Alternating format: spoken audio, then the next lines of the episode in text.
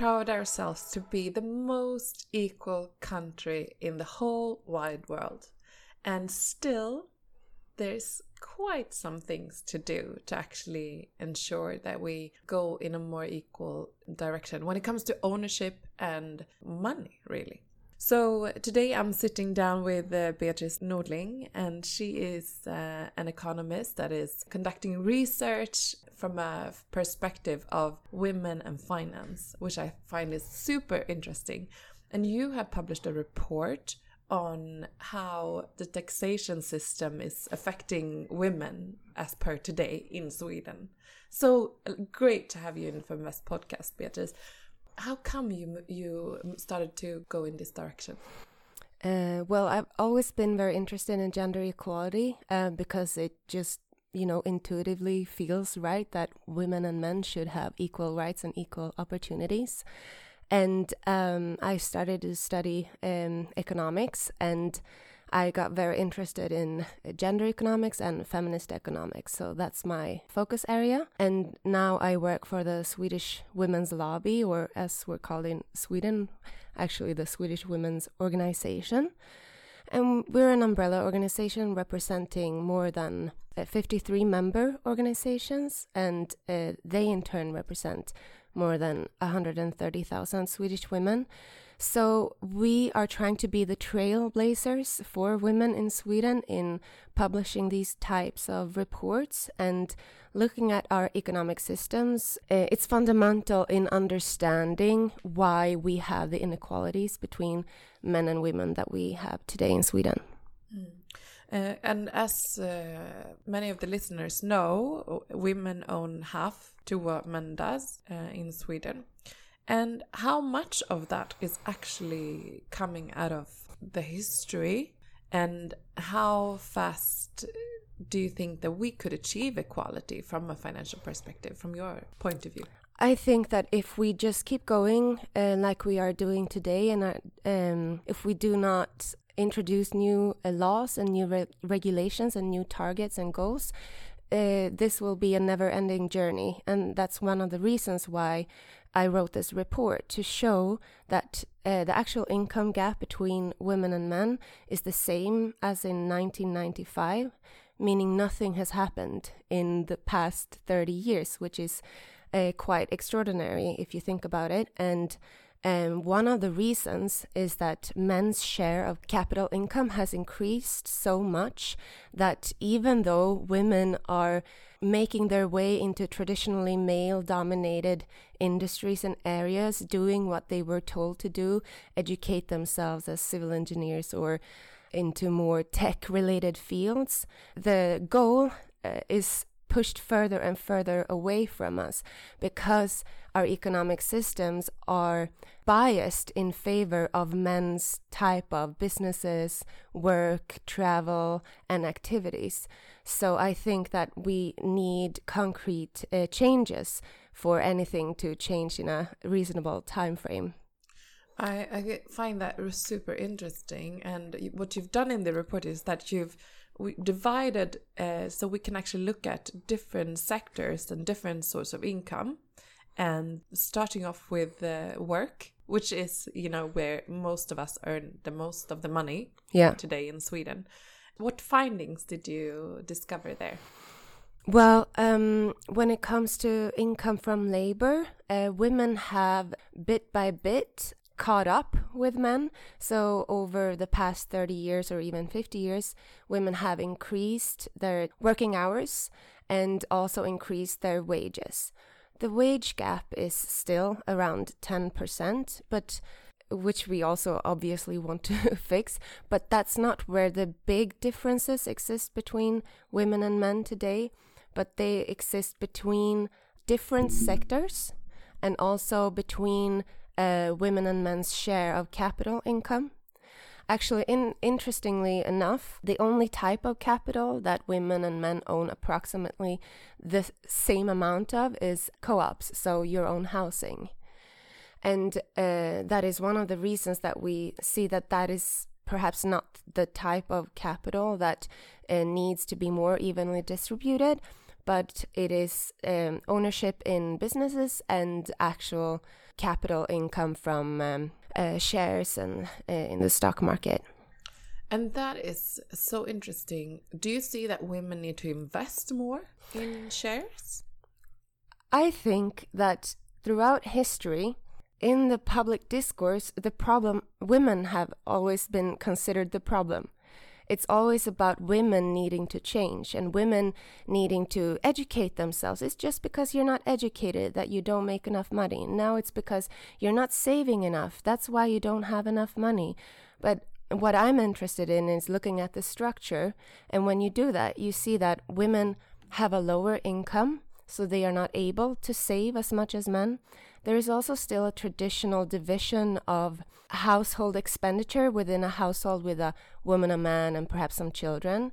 The man tends to, uh, you know, maybe invest in the car and other technical appliances that when they get divorced, he will take with him, while the woman has been buying, Can you I know. share a personal reflection Yeah. that? Because I have been on maternity leaves for three times, and the two first times I was scrolling my phone, buying clothes for the kids, Yeah. etc.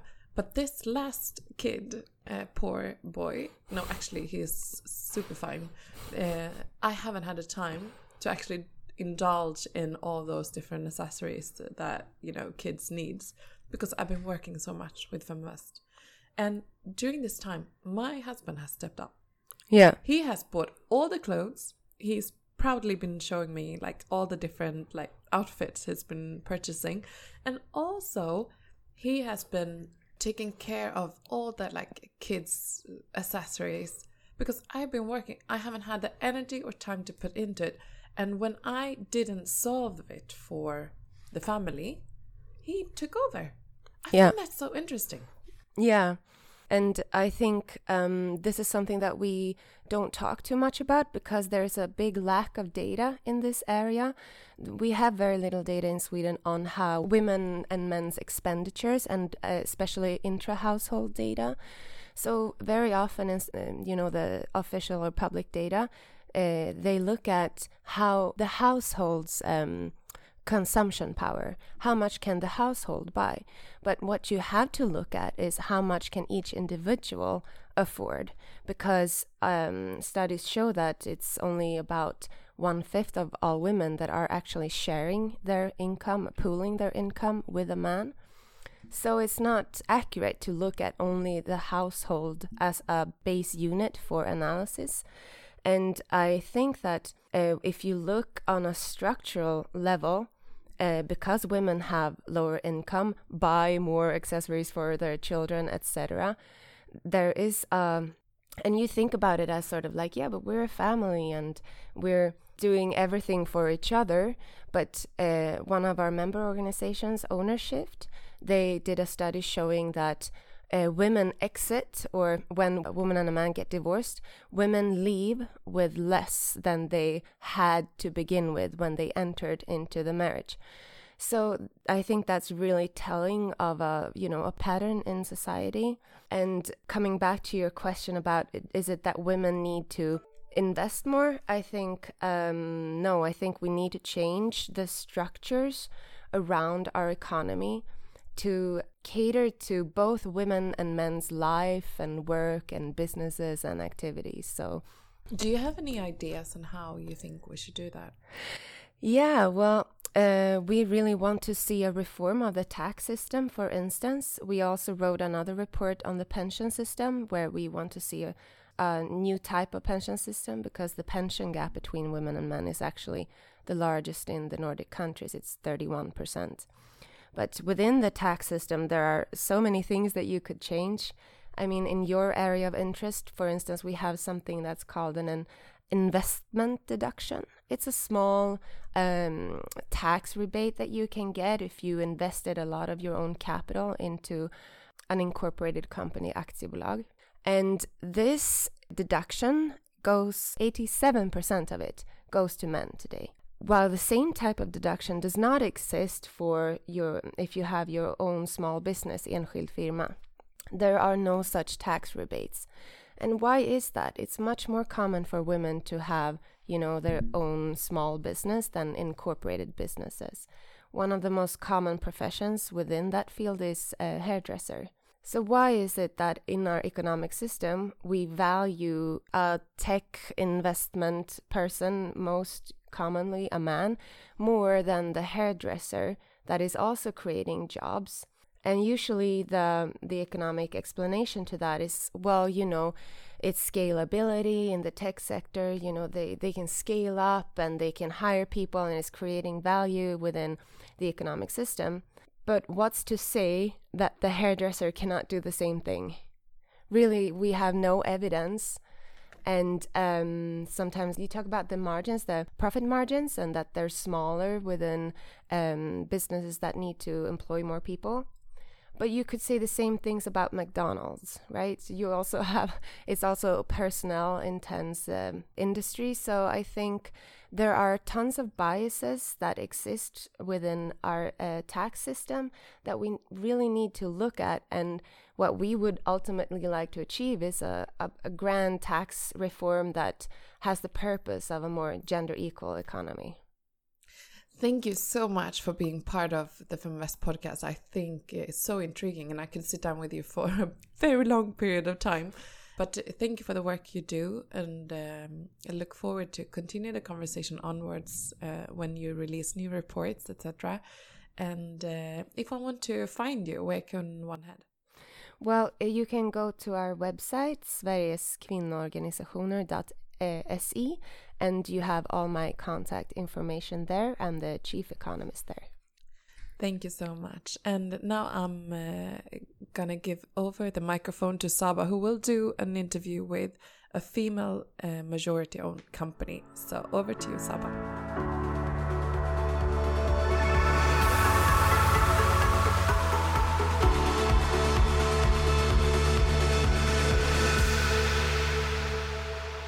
Hi, dear listeners, and welcome to another episode of your Feminvest podcast. Today, with me, I do have another inspiring story to share with you. Um, joining us today, we have the founders of Ilouity, Fanny Herngren Rosén and Asli Tunhammar.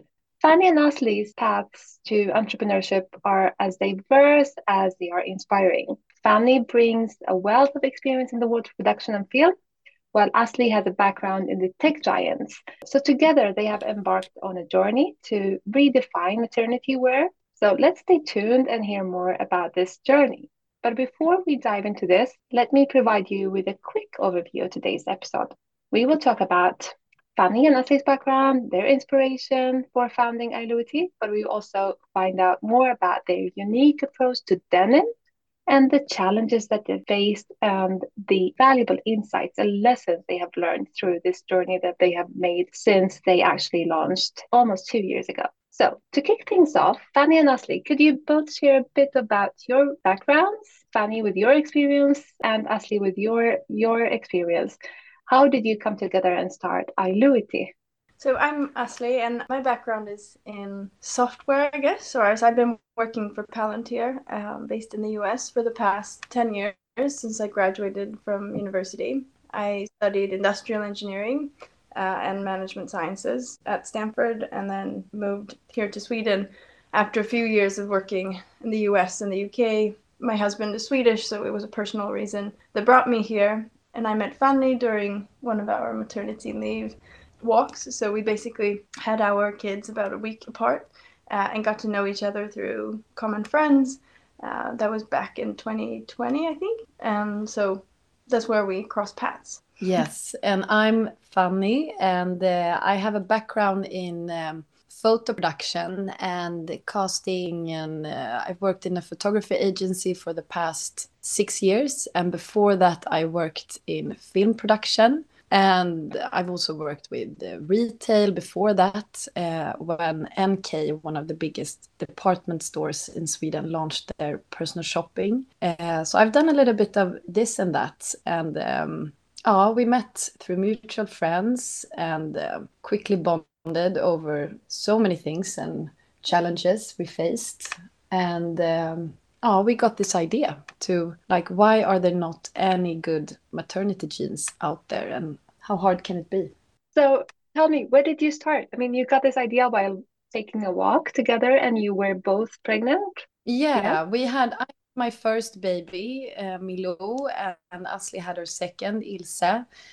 And we, they were maybe like six months or something, and uh, we were both kind of frustrated that we couldn't fit into our regular jeans uh, like oh we're still you know we're still in uh, some kind of leggings um, mm-hmm. phase here and we mm-hmm. can't fit into our old jeans mm-hmm. and and then we started discussing this um, oh, maternity jean issue we had as well like why are there not any good options out there we couldn't find any nice ones in both high street brands but also more expensive brands. And we both like tried it all we felt. And then oh, I, I remember this very well. We were outside of felt översten a gallery and uh, we're rolling in there with our strollers. And then we were like oh my god we maybe we should do this. Like you know how hard can it be? And then we started like same day sketching and you were making phone calls to to some people in Turkey where you're mm-hmm. from?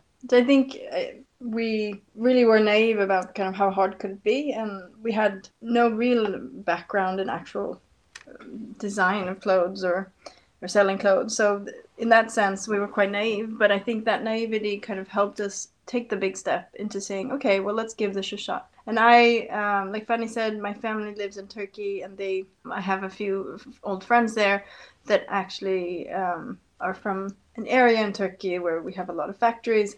Uh, so I ended up finding a contact who um, kindly walked me through the production process and what to think about, and sent me away with some homework to do some research in the in the field and just to know what we actually want to do. Um, but he was willing to take a bet on us, and he believed in the idea. He's been making jeans with a lot of high-end uh, brands out here in the Nordics, but also in the U.S. and other places. Um, and so he accepted to work with us on a small batch once we had our first product. Um, and at the same time, Fanny went on to find some contacts here in Stockholm who helped um, take us on for making the pattern and actually coming up with the designs that we wanted to launch with. Um, so with that, we kind of thought, okay, now we're gonna give this a shot. So quickly after we ended up you know having our first uh, products kind of lined out uh, started with samples and and thereon i think it took us about nine months from ideation to to getting the order in place. Mm, um, so that almost. was it was quite fast um, but we were so clear on what we wanted. It was very much the gap in the market that we wanted to feel. It was not coming from a okay we want to create a brand for pregnancy. What should we do? And blah blah blah. We went kind of more from the angle of this is the the product so we're just going to get this out there. Mm. this is the personality the branding this is who we are. So it was quite straightforward i would say even though we've had many bumps on the road and mm. things that kind of exactly. set us back but um and we were i mean we were from the beginning i think we were very sure that if if we're going to do this it needs to be a very nice product. Otherwise it's i mean why would we do it? So we were lucky to find the best pattern maker company in, in Stockholm and they make for I mean other brands we love. So we were also I mean very we trusted them also to guide us in this process a little bit, which they did, and we're so happy for that.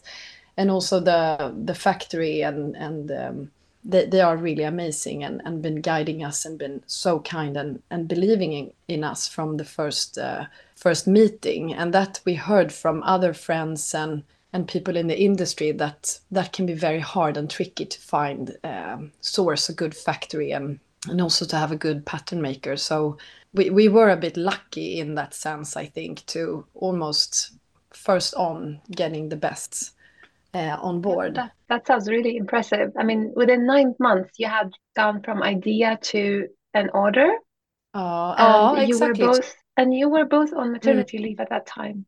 Uh, mm. Yes, but I think that's when I think about it. I think I mean everyone. I think that that has a baby knows that if if you have a moment to do something, you have to do it right now. So like you know when when when you have like a few minutes left, you're like okay, I I better call this person now because otherwise the baby might wake up. And I mean we were both very it we didn't think so much. We executed like very straight on. Yeah. Yeah. Looking back, I feel like, oh my god, like how how did we how did we do it and manage? And Fanny, it was your first. You had your first baby, and Asli, you had your second baby at that time, right? Mhm. Yeah, that's amazing. So it was Um, like a baby, Ilouity, nine months. Yeah. And nine months. And what Mm. happened? Tell me, like once you had made your order and um, you decided that okay, so we'll we'll get this brand out in the world. What happened? How did you build the the brand itself? We started, I think, quite organically, and I would say we still are growing rather organically, although we've kind of expanded our marketing efforts. I think initially we, uh, when we were working on the samples, we involved many friends and con- like people that were pregnant to be the model to try it on, and uh, and soon from there, kind of the word spread, and we did it quite a good first month. But it was very much friends, friends of friends, um, who who have been everyone was begging us oh can i borrow a sample and use it for my pregnancy? I can test it for you. And you know we had so much interest already building up. So once we launched we kind of used our personal network and contacts not, not like professional network but just pure Mm. friends who were expecting. And i've lived in many different places so we could get some people out abroad uh, and then we had a lot of friends here in sweden um, so we, we we got the word out on the street, and I think the biggest thing with pregnancy is there's so many products targeted at pregnant women and babies and this and that, and everyone has their own preferences of what works for them.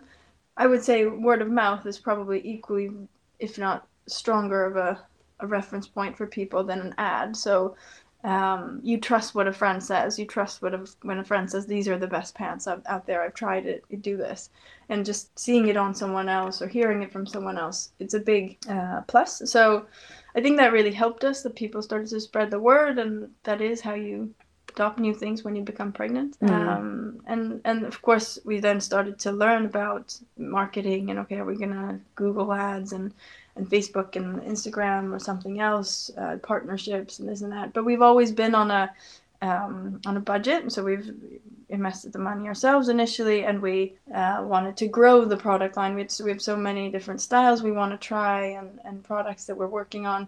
So all our earnings would kind of go back into producing new models and products and restocking all the things that we're selling. So um, we've been careful with kind of outsourcing anything. We haven't outsourced almost anything. uh, Oh, we do have exactly. pattern making. And we've learned, I think, through this whole process, we had to like sit down and really learn how to make an ad. And okay, how do you navigate the algorithm? And, and now Fanny is the expert in. I don't know about Resident expert, expert. but Well, that's lovely Yeah. because you have a tight budget and you have to actually work according to that budget. I I, I love the idea that you've like learned everything by yourselves and you No, actually invested to- your own money. I have to also give a big thank you and shout out to my friend Lovisa Källström who founded this brand called Worn, Worn Vintage. Uh, she's Yeah. amazing and uh, a dear friend of mine, and she's been so generous with uh, giving you know advice and uh, teaching me this um, uh, how to do ads, and also other friends of ours. Uh, Maral and Josefin Dracke, who have a brand called Jack and Juno, they have also been extremely generous with um, advice and guidance and everything. So, I mean, I think once you ask people around you, like, how how do I do this? How how I mean, what works for you? Everyone around us are very generous in giving advice. But then, of course, you have to sit down and do it yourself and learn everything from start. And I mean, now I'm extremely addicted to, to go to like going into this app and follow ads and targeting and it's like a also my husband gets panic sometimes he's like you have to put away your phone Uh, so oh, that's um, interesting because it's that. actually it's it's your baby, of course. You have to you Yeah. have to be able to do that. Yeah.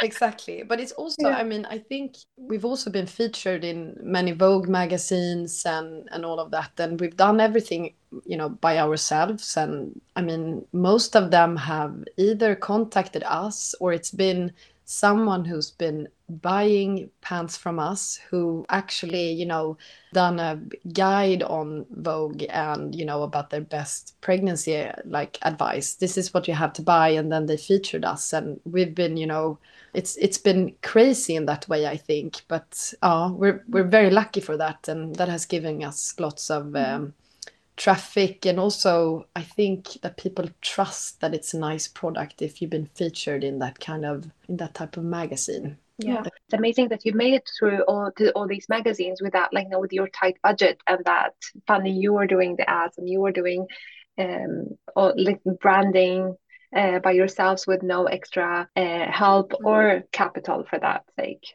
of course. Mm, thank you. I mean it's it's so much fun i think. I mean everything comes down to if you enjoy your job and if you like it and if you believe in the product. And i think that I mean, we when we've seen someone that's pregnant, say for now, Sienna Miller is pregnant, we're like, how are we gonna just like get her the pants? Like it can't be that hard because we know that if she gets them, we we're kind of like, oh, I mean, she will like them. Yeah, we're very confident we're in the confident product, in the product. in mm. a way, and that gives you also that extra energy and also push to you know do things and and uh, believing in it. So that takes me to the next question I want to hear more about, uh, which is the challenges and the hurdles and the tough times that you've been through. Now you've been running your business for uh, almost two years, and every journey has its hurdles and its challenges and some lows. Would you share some of the struggles that you faced when launching uh, the brand and how you actually overcame these challenges? I mean, I think what one of the, I mean, um, first thing is actually making your own ads and learning uh, who is the customer yeah. in a way. And i mean in the beginning we had no idea. We were like panicking over this like oh my god what, what do we do? Our facebook account didn't work for six months i think just because we couldn't configure it. It was nothing that we were doing wrong, but it took us so long to reach someone at Facebook that finally one day it worked. And I think could have easily given up on Facebook that way, but we had mm. no choice. We had to kind of figure it out ourselves, and we didn't have thousands of crowns to no. pay PR agency or someone else to help us help us do any it. consultant. So we were like, we have mm. to do this, and and then we learned it from you know very very basic and and I think it's not until maybe six months ago, uh, we I, I, feel like really learned and found our way of doing it. But that has been like the the biggest challenge, but also the the most rewarding one I think to figure out. And uh, I think the best advice there is to to really uh, learn it yourself and follow it because once you learn it, it's it's not so hard. You you just have to put in some time and effort. Um, and same with the Google ads. I I think. Um, that has not i mean we've barely done any google ads, ads it's been very hard but now you know we started learning and, and you have to have those two i think to nurture each other in a good way. Sounds like we need a podcast just talking about these two tools and how you how you start as a beginner. oh, but lovely, uh, yeah. I'm really not an expert, but it's you know when you have no money to pay a consultant, you have to to learn. it's amazing. Yeah, it's amazing. I mean, uh, and that takes me to the to the question of finances. How did you manage your finances? And it's like it's a main concern for every startup. We know that. Uh, how how did you approach the the financial part of starting up, fund, fundraising? How did you secure capital? What what did you do? What was your approach? I mean, when we started, or when we had this idea, we we were a little bit like, oh, what? How much do we want the pants to be? To the yeah, this is a good amount, and you know, we we started working on a budget that we very fast, you know, or once we spoke to the factory, we we were like, how are we going to afford this?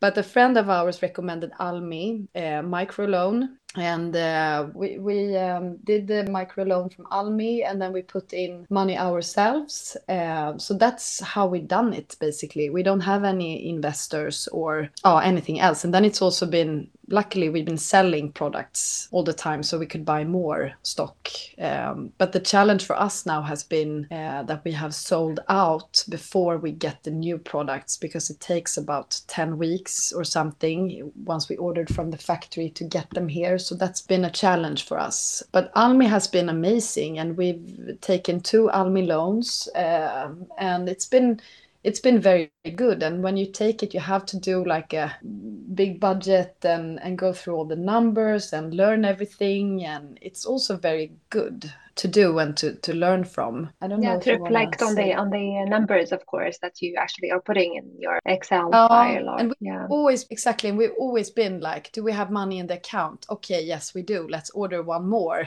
you know, batch of mm. jeans. Or we, we've been very much like, this is what happens now, and been extremely cheap on all the expenses. Like we have no, I mean, we have the the stock in our own house. We Um, you know we're very cheap in all the costs. We don't have any consultants. We think about you know everything we spend. But it's also good to do a budget and and see okay so if we sell for this much then we can afford to put in the order for this and to be a little bit steps ahead. I mean it's very basics i guess you know when you run a company to do a budget but it's um, you have to do it i think yeah we were always yeah. quite i think of course we look at the reports monthly and we're always tracking the numbers but i think we we're so focused on the product and we know what next we want to order and we're getting all the feedback from the buyers and how happy they are and and whatnot so i think we were very much driven by that push to kind of just keep okay we have money now we can buy more buy more buy more and produce more. So it, so it was a, it was a process. i think so yeah. and, and and again when the product's strong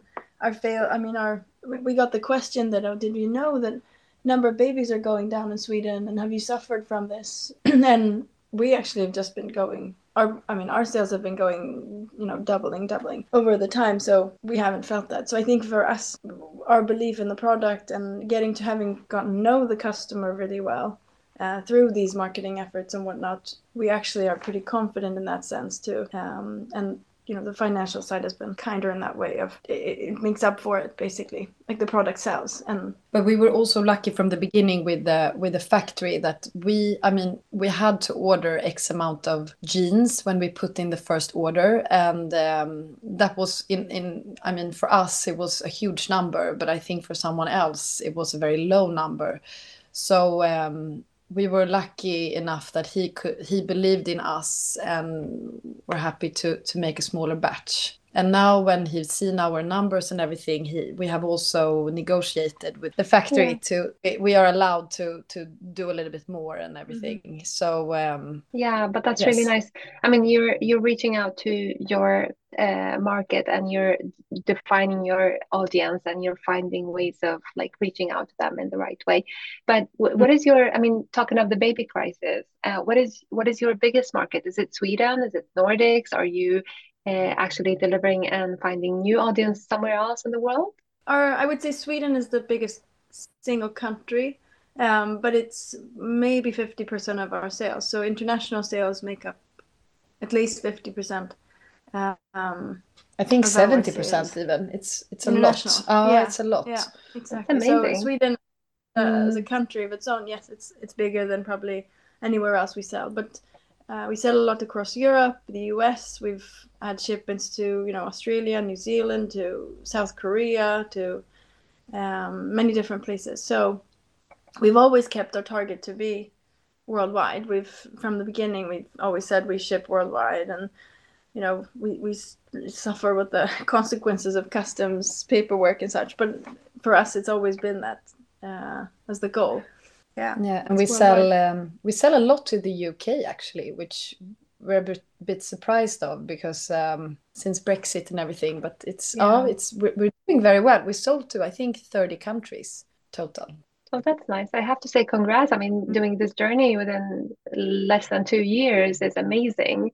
But looking ahead, what's in store for for the brand? Can you give our listeners a glimpse of your future plans and future products? Yeah, I think I yeah. mean we are of course working on some more models of denim. Denim will probably be our core for a while at least, if not forever.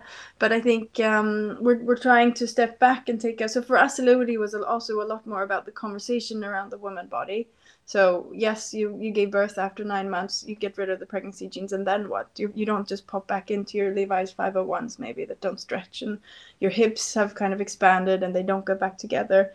Maybe forever, maybe for a long while. And so all of these things were just topics that no one has told us about. So I think being more mindful of that and trying to understand where else are there gaps for women uh, through the whole journey, whether it's okay, you're gonna get your period, so you're much more bloated and your pants don't button up, you know, the week before, or or you're hitting menopause and your, your body is changing in a different way. So for us, I think slowly now that we're kind of in the thick of it and, and the products in place and we have a good rhythm to how we work, um, we're thinking about how to expand that to uh, be more inclusive of the whole journey of mm. the woman body. So we're working on a few other ideas on the side for that. Um, and also, I think there's some other pregnancy items that we found to be not necessarily the sexy things that you know oh the the balm the cream that you know you can find many fun options out mm. there but it's the boring stuff that you end up with that um okay like you're gonna wear compression socks on planes everyone wears them why do they look like you just walked out of a surgery room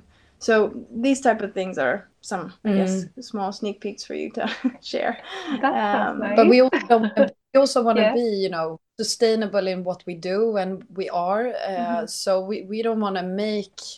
Yeah. products that already exist that we think is good. I mean, if we make more products, it's because we feel a need for them and that we're not happy what they what's offered at the moment. Yeah. Um, so we rather have few items that we believe in and that we think are core than to have mm-hmm. a big collection of different things that you don't really need. Mm-hmm. Um, so that's our like values of the brand. It's very very nice to hear. Yeah.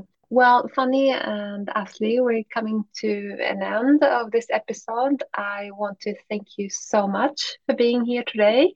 Uh, we've been talking about the importance of network and uh, friends who have been uh, supportive and uh, teaching you stuff about uh, how to actually start and how to work on a budget with your digital media tools and branding, and how lucky you were finding finding the right factory for the production uh, of your jeans, but also your determination in solving the everyday problem for every pregnant woman.